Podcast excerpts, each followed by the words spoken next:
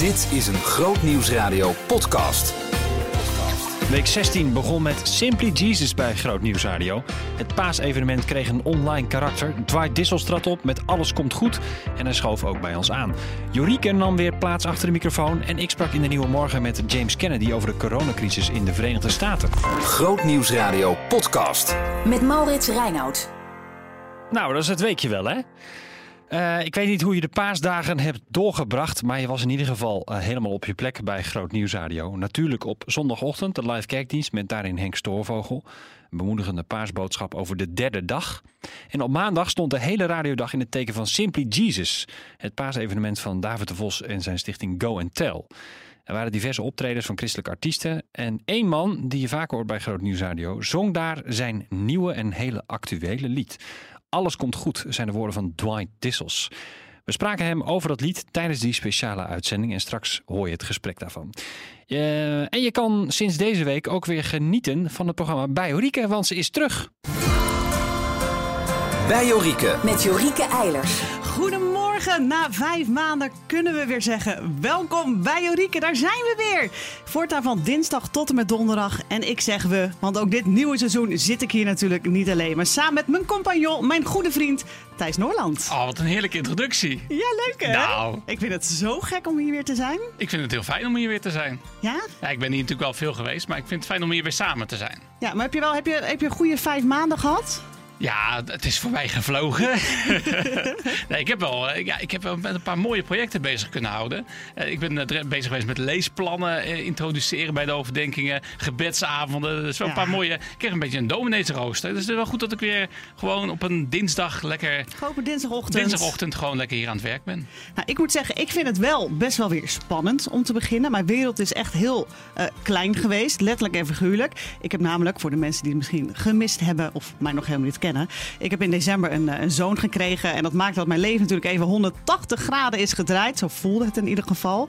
Ja, en nu is er weer een nieuwe fase. Werken en mama zijn. Ik ben heel benieuwd hoe me dat gaat bevallen. Ik heb niet geheld in de auto. Nee. Nee, je dus- hebt nu wel een beetje waterige oogjes, maar je beweert dat dat ergens anders doorkomt, hè? Ja, nee, ik heb echt last van mijn lens. Dus... Ja. Hey, maar gaat het allemaal goed thuis? Het gaat goed. Ja, het is echt een heerlijk manneke. En dus, ja, het gaat goed. Af en toe vind ik het ook heel pittig hoor. Maar het is, ook, ja, het is echt fantastisch. Ja, dat is het uh, zeker. En de eerste gast in Biorieke was deze week Bram Beuten. Hij is de man achter het coachingsbureau Vivento. Hij schuift regelmatig aan in het programma om te praten over zijn filosofie van de vier V's. Vertrouwen, veiligheid, uh, vrijheid en verbinding, ja, dat zijn ze. Uh, in willekeurige volgorde moet ik erbij zeggen. En Bram is blij dat hij weer te gast kon zijn, want dat is niet vanzelfsprekend. Het was vrij pittig. Um, ik uh, kwam vrijdag thuis, beetje hoesten, zaterdag niet helemaal lekker en zondag forse koord. dokter gebeld en die zei ja, dit zijn wel allemaal signalen, dus blijf maar thuis. Nou, dag daarna weer gebeld en vervolgens bleek dat ik voor 90% zeker corona had. Dacht je zelf meteen ook aan corona? Ja, je vermoedt het wel, omdat ik ook eigenlijk nooit ziek ben. Dus dat was ook een soort van, hoezo ben, heb ik nu griep? Dat heb ik nooit. Jij bent echt een, een super fitte, fitte man. Nou ja, dat is wel wat ik zou kunnen zeggen. Dat is de laatste drie jaar met een paar ziekenhuisopnames wel een beetje anders geworden. Maar, uh, ja. ja. maar inderdaad, normaal gesproken, uh, ja, ik leef gezond, ik sport. Dus alles. en inderdaad, eigenlijk nooit ziek. Want ben, um, ben, je echt getest erop? Nee, uiteindelijk nee. nee dus dat deden ze zeker in Hasselt niet. Omdat er inderdaad, dat hebben de meeste mensen wel meegekregen, daar heel wat gebeurde. Um, en de arts daar ook wel terughoudend in was. Maar die zei wel meteen, ja, dat betekent dat niet alleen jij, maar ook heel je gezin voorlopig twee weken binnen moest blijven. Nou, ik heb volwassen kinderen en nog een paar uh, pubers die richting die volwassenheid aan het groeien zijn. Nou, die uh, hadden het wel even. Zo van, moet dat echt? En uh, nou, na anderhalve week of zo zei er een, nou, ik ga echt even, nu naar ga ik naar mijn vriendin. Dus, dus die kon het ook echt niet uithouden. En, en logisch ook, dus we hebben maar een beetje ruimte gegeven. Want hoe heb je die periode van ziek zijn ervaren? Um, nou, het was, het was um, ja, heel veel dingen ervaar je niet, want je ligt te dromen en te eilen. En uh, ik, ik heb tien dagen forse koorts gehad, tot 40 uh, graden aan toe. Um, ja, en dan af en toe in heldere momenten denk je wel, wat gebeurt er allemaal? Op een gegeven moment kan je niet meer eten. Zak water naast je bed om vocht te krijgen. Marion, mijn lieve vrouw, die me letterlijk moest voeden. Uh, want ik kon zelf geen eten meer pakken. Dus dat Zo. was... Ja. En aan het einde van de rit uh, 8 kilo kwijt. Nou, met vijf was ik wel blij. Die andere drie zijn er weer bij inmiddels. Dus, eh, Ja, precies. Hoef je ook niet, hoef je ook niet, eh, hoef je ook niet te sporten. nee, ook niet Maar-. Ja. Maar en is er nog gesproken dat je zelfs naar het ziekenhuis zou, ook zou moeten? Ja, of- twee keer eh, wel punt gestaan van moet het en eh, tel zijn ademhaling maar en eh, check, check, check. Ehm, maar allemaal een beetje op het randje. En op het moment dat het erop bleek van nou, nou morgen gaat, we gaan we anders naar het ziekenhuis of dan moeten we in ieder geval weer de huisartspost bellen. Eh, toen ehm, eh, zakte de koorts. Vond je het beangstigend? Ja, dat hebben meer mensen gevraagd. En ik heb geen moment van angst gehad. Nee. Ook omdat ik wel weet waar ik naartoe ga. Ik zou het echt verschrikkelijk vinden voor mijn gezin hè, als ik zou overlijden. Maar Maar dan, Ja. zat je daar dan zelfs al ergens aan te denken? ja, heb ik wel twee keer gedacht. Omdat je voelt dat het leven een beetje uit je weg glijdt. Als je niet meer je eigen beschuitje, hè, hoe zwaar is een beschuitje, eh, als je dat al niet meer kan pakken. eh, en dat je inderdaad eh, ongeveer vijf minuten, tien minuten op je bed ligt te schokken als je alleen de trap bent opgelopen. ja, dan, dan merk je wel dat het wel heel rap bij je wegloopt. Ja. Zo, ik, vind het, ik, ik merk dat, dat ik wel een beetje denk, oeh, Ja. om dit zo te horen. Ja. In je gezin, maar in je gezin die, die hadden geen symptomen. Nee, twee hebben wel wat hoesjes en, en, en een, een beetje niet lekker gevoel, maar geen koorts. Ja, en daarna is het allemaal, ja, de, sommigen hebben het misschien wel gehad, maar hebben nauwelijks klachten gehad. Eh, Apart is dat, hè? En ik ben eh, inderdaad, na die tien dagen ben ik eh, vrij snel ook wel weer hersteld. Ja, en, maar dus geen angst gewoon ervaren dus in die tijd. Nee, ja, ik, ja dat klinkt misschien een beetje, te, een beetje te stoer, maar ja, dat is echt zo, ja. Omdat je zei geen je, van hoe dan ook je weet waar je naartoe gaat. Ja, dat, Zo. dat die diepe rust. En ook gewoon, papa zeg ik dan al, ik heb, spreek God aan met papa, is erbij. Weet je wel, dus, dus ik heb me ook nooit alleen gevoeld. En, eh, nou ja, en ook met zo'n lieve vrouw om je heen, ja, dan, dan klopt alles. Het hele interview met eh, Bram Beuten is terug te luisteren natuurlijk via onze website grootnieuwsradio.nl. Grootnieuwsradio podcast. Met Maurits Reinoud. Ik denk dat je inmiddels dit liedje wel kent. De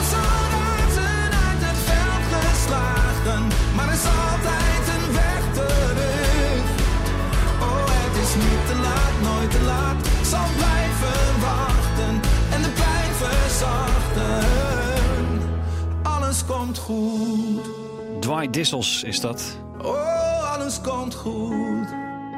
Met Alles Komt Goed. En eh, dat hoor je hier wel vaker bij Groot Nieuws Radio, dat liedje.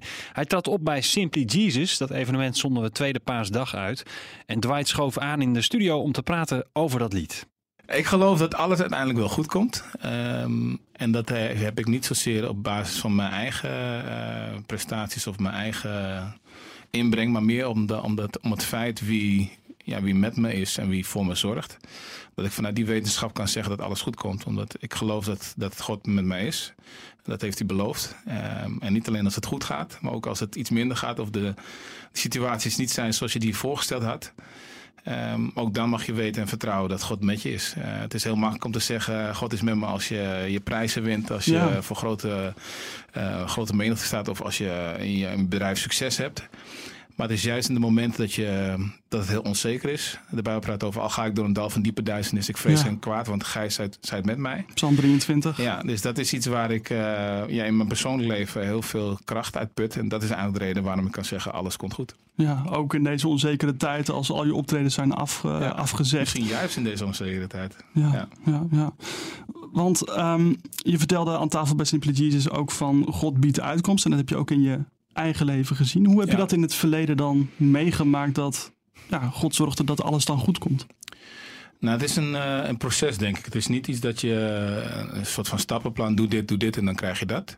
Maar het is een proces waarin je groeit, eh, je geloof ja, groeit als het ware. En ik geloof dat je geloof het sterkste en snelste groeit door moeilijkheden heen. Want dan heb je eigenlijk geen andere opties dan op God te vertrouwen. Het is heel makkelijk, wat ik al net al aangaf, als alles voor de wind gaat, om dan te zeggen van God is goed. Maar als je het, als je het echt voelt en als je bijvoorbeeld echt je inkomsten als sneeuw voor de zon ziet verdwijnen, vertrouw je dan nog steeds op God.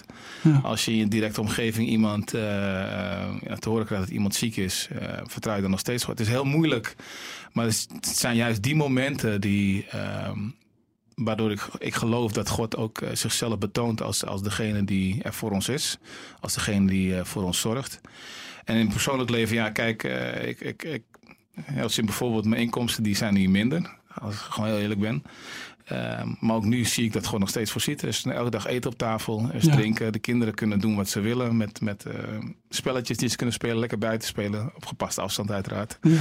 Maar ehm, ja, ik, ik, ik zie het ook in de kleine dingen, om het zo maar te zeggen, eh, van het leven. eh, waarin ik Gods hand zie. Dat hij nog steeds met ons is, voor ons zorgt.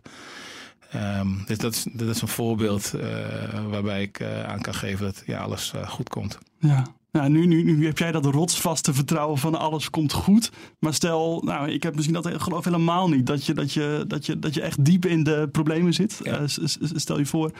Ehm, en, en, en je hebt dat uitzicht niet, zeg maar. Hoe, hoe, hoe kom je daar dan Ja. bij? Hoe kun je dat dan grijpen? Of hoe kun je dat pakken dan? Nou, voor Hoe mij pak jij dat? Ja, voor mij is het ook niet. eh, ik zei het voor mij ook aan tafel. Het is niet dat ik het altijd zeg maar alles op een rijtje heb. Het is soms ook gewoon heel onzeker. En helemaal toen er net zeg maar eh, alle maatregelen getroffen werden.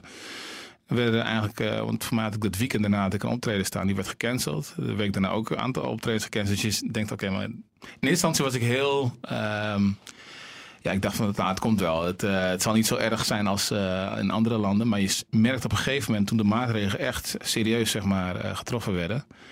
ehm, ja, dat je dan, dan, ja, waar val je dan op terug? Ehm, Ja. Ja, inderdaad, als je kijkt naar iemand die persoonlijk getroffen wordt eh, in- zijn financiën of door middel van zijn eh, bedrijfsvoering, of veel erger misschien in familie, dat iemand ziek is. Hoe kom je daar? Het is volgens mij gewoon stapje voor stapje. En geloven dat God in de kleine dingen, in de kleine momenten, op het moment dat je het even niet meer weet, ook dan nog steeds met je is. En het begint dus met geloof. Geloof is de zekerheid.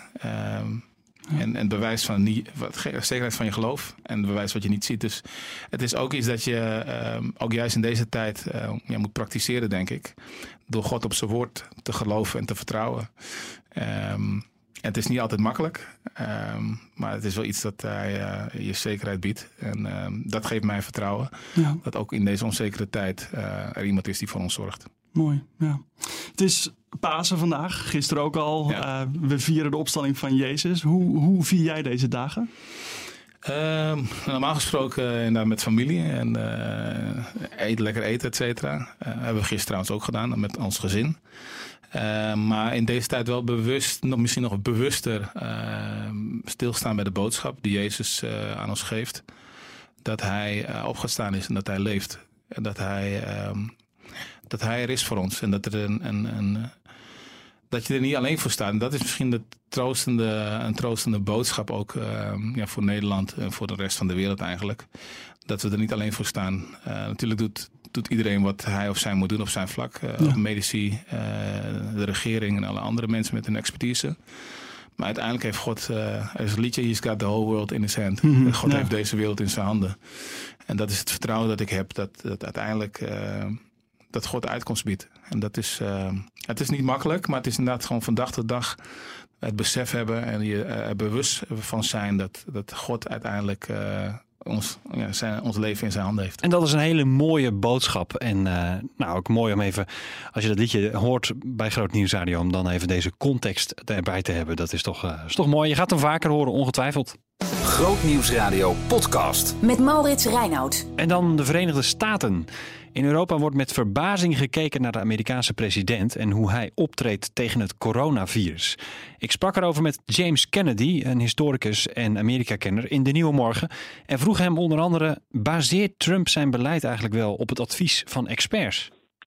Nou ja, daar, daartoe is hij wel gedwongen. Dus het is niet iemand eh, die heel graag ernaar luistert. Hij gaat eigenlijk altijd zijn eigen gang.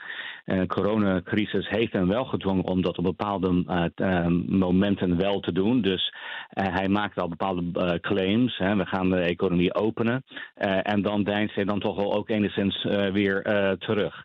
Dus, eh, dus hij is ook gedwongen door de werkelijkheid en door ook zijn experts om toch wel wat terug te nemen. Maar nee, hij kan altijd nog elke dag iets zeggen van waarin hij een hoop uit dat de economie snel zal eh, weer openen. Ja. En hij heeft ook wel een rol voor zichzelf eh, daar eh, toegeëigend. Maar nee, hij, hij zit nu wel een beetje vast. Ja. En ja, dus dat is een. maar hij, hij wil, en dat is heel duidelijk, hij wil zo snel mogelijk de economie eh, heropenen. En hij blijft dat zeggen, ook wel tegen de adviezen van zijn expert. Ja, is dat omdat hij in het, in, nou ja, voor de coronacrisis en de hele tijd heeft geschermd met het feit dat door zijn regering eigenlijk eh, de, e- de economie zo is opgebloeid en, en, en dat, dat het misschien wel een, een verlies van kiezers kan opleveren, dat, dat, dat al die mensen hun baan kwijtraken?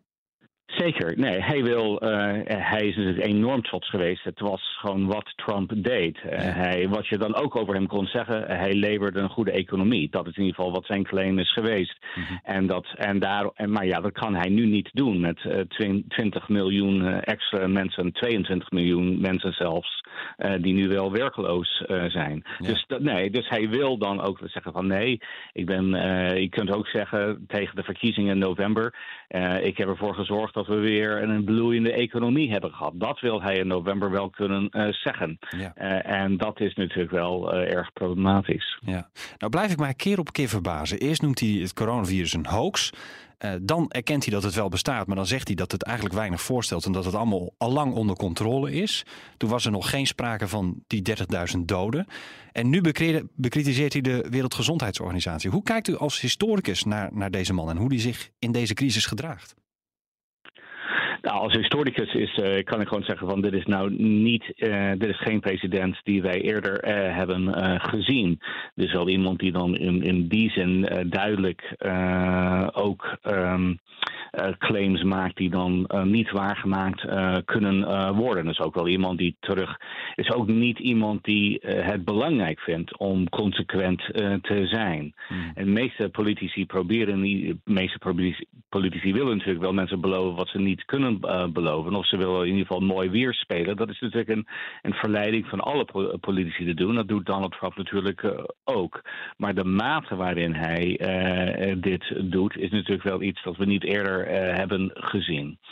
En, en dus dat heeft wel deels te maken dat het wel een. eh, we zitten in een nieuwe tijd. Ook een, dus een Twitter-president. eh, en eh, dat betekent ook een nieuwe stijl. En het betekent ook wel dat hij zijn eigen werkelijkheid kan scheppen met zijn eigen manier van communiceren. Dus we hebben ook wel te maken met een andere tijdperk waarin een president zoals Donald Trump ook mogelijk is. Hmm. Er is dus eigenlijk, als ik u hoor praten, geen historisch precedent waardoor je kan zeggen, nou ja, zo'n president die zo gericht is op, op het, het land zelf en eigenlijk een buitenlandpolitiek heeft die ja, eh, weinig vertrouwen inboezemt voor andere landen. Dat, eh, je kunt niet zeggen wat voor lange termijn gevolgen dat gaat hebben. Nou het, het gaat wel lange ter- termijn gevolgen zeker eh, hebben. Dus het is wel dat je. Eh een van de dingen natuurlijk wel opvalt hier. Is dus dit is de eerste president eh, die ook eh, als het gaat over buitenlandse verhoudingen. Als het gaat over internationale instanties. die daar eigenlijk ehm, eh, zo tegen fulmineert en afschrijft. Dat is iets dat we niet hebben gezien sinds de Tweede Wereldoorlog. Amerika is altijd gebaat bij leiding geven aan internationale instanties. Want het is natuurlijk vooral onderdeel van een wereldorde waar zij een belangrijke aandeel in hadden. En ook eh, door die internationale instanties deels eh, eh, bepaalde dingen had kunnen, heeft kunnen sturen. Maar dat, hij heeft daar geen belangstelling voor. Voor hem gaat het over zijn achterban, wat voor boodschap hij aan hen kan geven. En als hij, en dat is natuurlijk iets dat wel echt heel erg opvallend is, is dat hij is natuurlijk iemand die vooral heel veel eh, blaam geeft aan andere mensen. En dus natuurlijk de, de, de World Health Organization is natuurlijk wel ook zo'n voorbeeld. Eh, als, als hij zegt, ja, als hij zegt er is een probleem, ja, dat ligt niet aan mij, maar dat ligt wel aan die internationale instantie, weet u. Dus dat is eh, hoe hij het graag wil brengen. Ja. Nou, is, eh, gisteren dreigde hij met, met het feit dat het Huis van Afgevaardigden en de Senaat dat hij die ging, ging, schor- ging schorsen, zodat hij alsnog een aantal ambtenaren kon benoemen die volgens hem hard nodig zijn in deze crisis. Kan, kan hij dat zomaar doen? Nee, dat kan hij niet zomaar doen. Eh, deels heeft dat te maken met de manier waarop de Senaat en eh, de, het Huis van Afgevaardigden eh, werken. Even beginnen met de Senaat, om het heel simpel te maken. Die, die bepalen hele korte schorsingstermijnen voor zichzelf. Dat doen ze eigenlijk continu om voor allerlei interne politieke redenen. Dat betekent dat schorsing bij hen niet formeel nooit langer dan drie dagen duurt.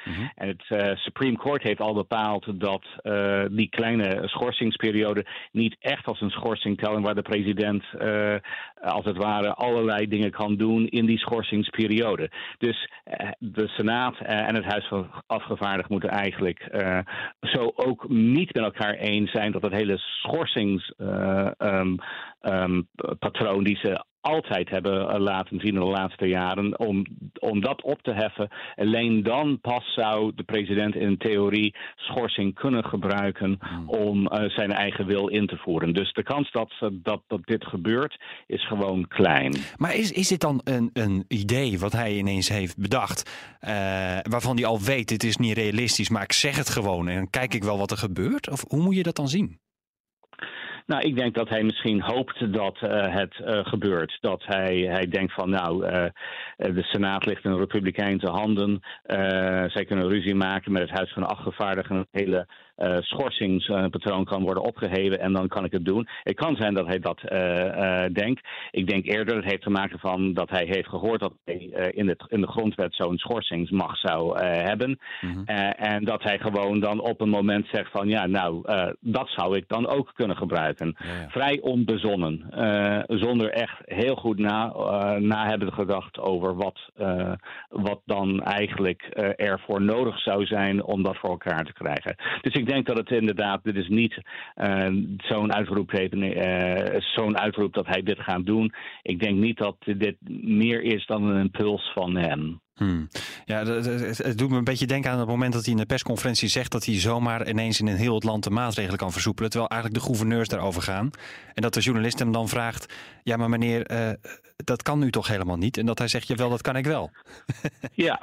Ja, nee, maar dit is denk ik, nou, het is wel iemand die heel graag wil laten zien. eh, Wat, wat, wat heel belangrijk voor hem op dit moment is om te laten zien dat hij leiding heeft eh, over de Verenigde Staten. Omdat Ja. hij overal dingen kan eh, doen, dat hij de president is. eh, en, ehm, en dat hij dan als het ware eh, ook wel zijn macht wil eh, laten eh, eh, zien. Ja. Zeker als het gaat over ehm, om te laten zien dat ja, als het aan hem ligt, dan gaan deze positieve maatregelen die hij graag wil invoeren, dan gaat Amerika heel snel de goede kant eh, op. Ja. Maar het is niet iemand die, is niet iemand die echt nadenkt over nou, wat zijn nou de, de echte praktische eh, eh, werkzaamheden van de, van de overheid.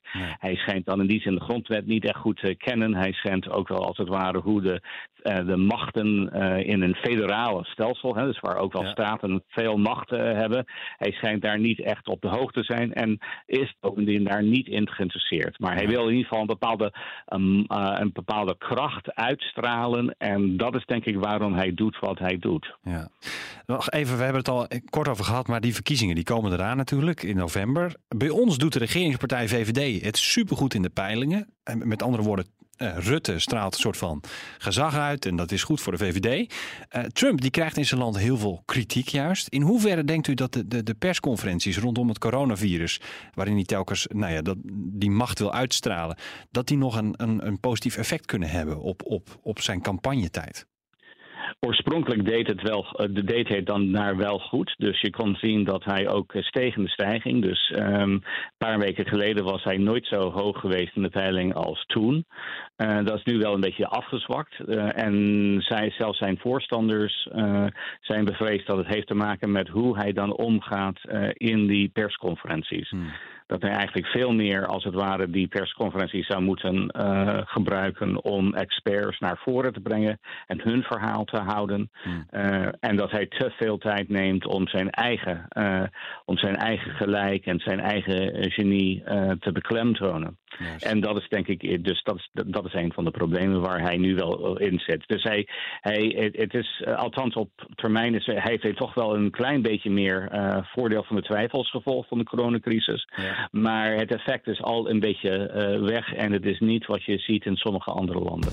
James Kennedy, hij is historicus en Amerika-kenner. En ik sprak hem in de Nieuwe Morgen op vrijdagochtend. Leuk dat je luisterde naar deze podcast. Abonneer je vooral als je eh, niets wilt missen en volgende week automatisch de aflevering op je telefoon bijvoorbeeld wilt krijgen. Ehm, laat ik eens iemand anders weten wat je van de podcast vindt. En, ehm, en, en mij ook. Hè. Je kunt gewoon een berichtje sturen via grootnieuwsradio.nl. Dus doe dat vooral. Tot volgende week. Behoefte aan meer? Grootnieuwsradio.nl slash podcast.